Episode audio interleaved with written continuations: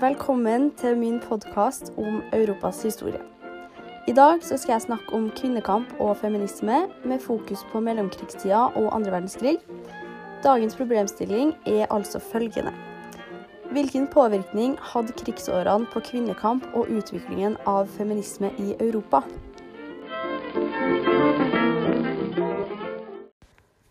Vi kan begynne med å si litt om hva feminisme er.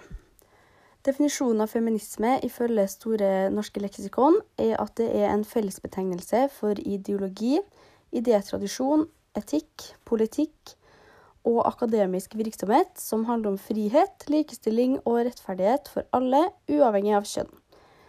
Det er altså, mer kort fortalt, en ideologi som legger til grunn for politisk handling for å utjevne en skjev fordeling mellom kjønnene. Så kvinnebevegelsen i Europa kan spores langt tilbake i tid. I 1860-årene ble kvinnegruppen eh, til en bevegelse i Storbritannia, der de drev med omfattende kampanjer for kvinnesaken. Også i andre land som Tyskland og Frankrike, og flere land i Norden, ble det oppretta foreninger som inspirerte kvinner til å ta ordet. I perioden mellom 1870 og 1900 spredde kvinnebevegelsen seg til mange land. Den fikk stor betydning både sosialt, kulturelt og politisk. Kvinnebevegelsen var med på å forandre kvinners oppfatning av seg sjøl og sine muligheter, og den førte dem inn i politikken, og var med på å endre samfunnet til å bli mer likestilt. Mellomkrigstida, altså tida fra 1918 eh, til 1939, assosieres gjerne med begrepet krise. Det er vel kjent at det var økonomisk krise som førte med seg massiv arbeidsløshet og, eh, og økende sosiale, kulturelle og politiske motsetninger rundt om i Europa. Det foregikk et intenst ordskifte om kultur, moral og verdispørsmål, hvor konflikten sto bl.a. mellom avholdssak, moderne barneoppdragelse og seksualvaner. Såkalte vitenskapelige raseteorier, som de ideologiene som ble utvikla på denne tida, i hovedsak nazismen og fascismen, hevda den hvite manns overlegenhet og ble brukt for å lovliggjøre forfølgelse og diskriminering. Det ble derav et faktum at en rekke minoriteter av samfunnet ble skjøvet ut mer enn før, og ble i økende grad sett på som fremmed. Forholdene lå altså til rette for utjevning av kjønnsforskjeller både i familien, i politikken og i arbeidslivet. Tradisjonell kjønnspolarisering kom også til å prege mellomkrigstida på en rekke samfunnsområder.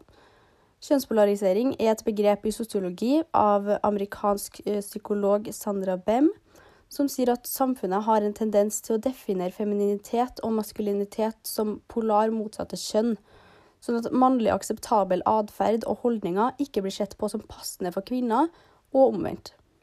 Kjønn var f.eks. viktig under mellomkrigstida når det skulle avgjøres hvem som skulle få beholde arbeidet og ikke. Husmoridealet styrka seg, samtidig som menn fikk økende ansvar som familieforsørgere. Likevel så opplevde mange kvinner økt frihet i sin livsførsel under mellomkrigstida, sjøl om de ble pressa ut av arbeidslivet til fordel for menn, enten fordi mennene kom hjem fra krig og hadde førsterett til arbeid, eller fordi at det var vanskelige økonomiske tider. Under andre verdenskrig derimot så var det et stort behov for arbeidskraft rundt om i Europa, da de fleste mennene var ute i krig. I Storbritannia ble det danna en organisasjon for kvinner i arbeid. Den ble kalt Women's Land Army, og var operativ under både første og andre verdenskrig, der kvinner jobba på ulike gårder i landet. Behovet for arbeidskraft var veldig stort under andre verdenskrig i Storbritannia. Dette betydde at kvinner, i likhet med menn, måtte komme ut i arbeid. Tidligere var kvinners rolle i hovedsak å passe på barn og ta seg av andre oppgaver i hjemmet. Storbritannias statsminister på denne tida, Winston Churchill, sa i sin tale 27.1.1940 eh, at behovet for arbeidskraft var så stort at kvinnene ble oppfordra til å delta aktivt i den britiske krigsindustrien. I Storbritannia ble dette kvinners måte å bidra i krigen på og være en større del av samfunnet. Mange jobba også, også, på våpenfabrikker og som sjåfører og transportører. I Sovjetunionen på denne tida så hadde kvinnene en litt annen rolle enn i mange andre land i Europa. Der var kvinnene nemlig direkte involvert i krigen, som både spioner, bombeflygere, krigere og snikskyttere. De gjorde akkurat de samme oppgavene som menn i krig, og mange av kvinnene hadde til og med høyere stillinger enn mannfolkene. De mest berømte av Sovjets flygere ble kalt nattheksene fordi de kom smygende om natta, og tyskerne beskrev det som at det hørtes ut som at de kom på kosteskaft. De fleste var i slutten av tenårene eller begynnelsen av 20-årene, altså ganske unge, og de var da gjerne motivert av patriotisme og ønske om hevn. Deres oppgave var å frata de tyske soldatene nattesøvnen for å slite dem ut. Dette gjorde de da gjennom bombing på nattestid, og dermed en viktig oppgave på de allierte side under krigen. I Norge var det også mange kvinner som hjalp til på ulike områder under andre verdenskrig. Etter oppfordring fra kronprinsesse Märtha i slutten av 1939 så hadde 75 000 kvinner meldt seg inn til frivillige arbeidsoppgaver gjennom en organisasjon kalt Kvinnenes arbeidshjelp da krigen brøt ut. Allerede før krigen hadde mange norske kvinner begynt å forberede seg på hva som kunne komme. Vi har bl.a. gått på kurs i transport, førstehjelp og sambarn. Av de kvinnene som fikk en særstilling under krigen, er det spesielt verdt å nevne Lottan, eller Norske kvinners frivillige verneplikt, som det het den gang. Dette var høyt motiverte kvinner eh, for å gjøre en innsats for landet vårt, og ikke minst var de svært organisert. De visste hvor de skulle gå og hva de skulle gjøre, og det var nok arbeidsoppgaver å ta seg til. Bakgrunnen var økt uro i Europa, og meninga var at kvinner ved frivillig innsats skulle støtte opp under den militære aktiviteten og bidra der det trengtes. De fleste av dem fortsatte jo bare med sine daglige gjøremål, men det var mange som bidro på flere fronter, både i illegalt arbeid og i deltakelse i, krig i krigshandlinger. Der ektemenn plutselig gikk over til å bli soldat, måtte damene ta over, både når det gjaldt eh, gårdsarbeid og med andre samfunnsoppgaver som de ikke hadde fått gjort før. Flere hjalp til med å, bli, med å ta flyktninger over til grensa til Sverige med fare for eget liv. Så perioden mellom 1913 og 1950 var altså sterkt prega av første og andre verdenskrig og ettervirkningene av dem her. I krigstid ble stemmerettskamp og feministisk virksomhet stort sett lagt til side til fordel for krigsinnsats.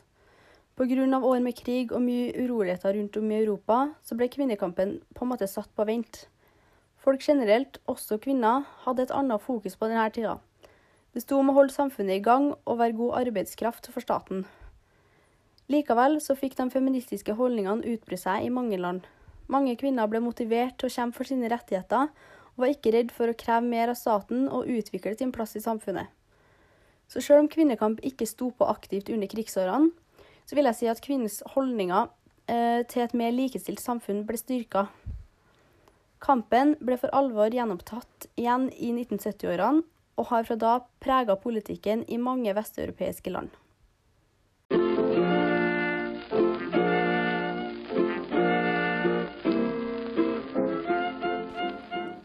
Dagens problemstilling var altså følgende. Hvilken påvirkning hadde krigsårene på kvinnekamp og utviklingen av feminisme i Europa?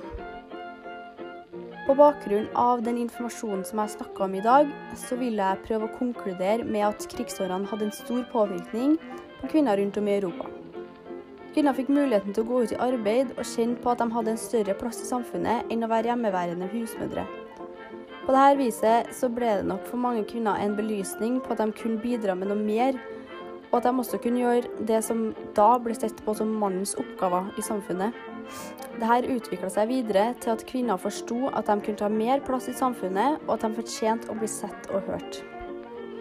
Det ble også et faktum at kvinner skulle få flere rettigheter straks etter andre verdenskrig, da FNs kvinnekommisjon ble etablert i 1946.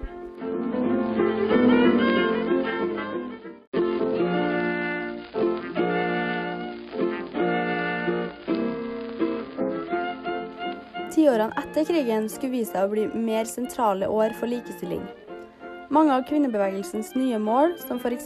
ekteskapslovgivning, mer likestilling i arbeidslivet og andre rettigheter, ble bekjempa i løpet av 1970- og 80-årene. På bakgrunn av dette så kan vi konkludere med at krigsårene i sin helhet hjalp kvinnene på vei ut i samfunnet og ble et startskudd for feminismens, om man kan kalle det storhetstid. Siden da har feminisme og kvinnekamp stått sentralt i store deler av Europas land. Selv om kvinner, eh, kvinners innsats i krigen ikke snakkes mye om den dag i dag, ble det på sett og vis startskuddet for at kvinner innså at de fortjente å ta mer plass i samfunnet. Feminismens tankegang og kvinnekamp lever, eh, lever i beste velgående den dag i dag, og kvinner over hele Europa kjemper daglig for å få bli mer likestilt med mannen, og oppnår stadig nye mål.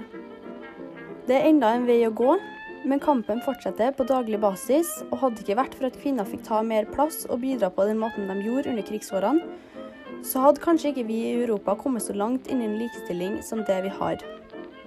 Det er kanskje noe å tenke på. Så med det sagt så vil jeg bare si takk for at du hørte på, eh, og så snakkes vi neste gang. Ha det bra!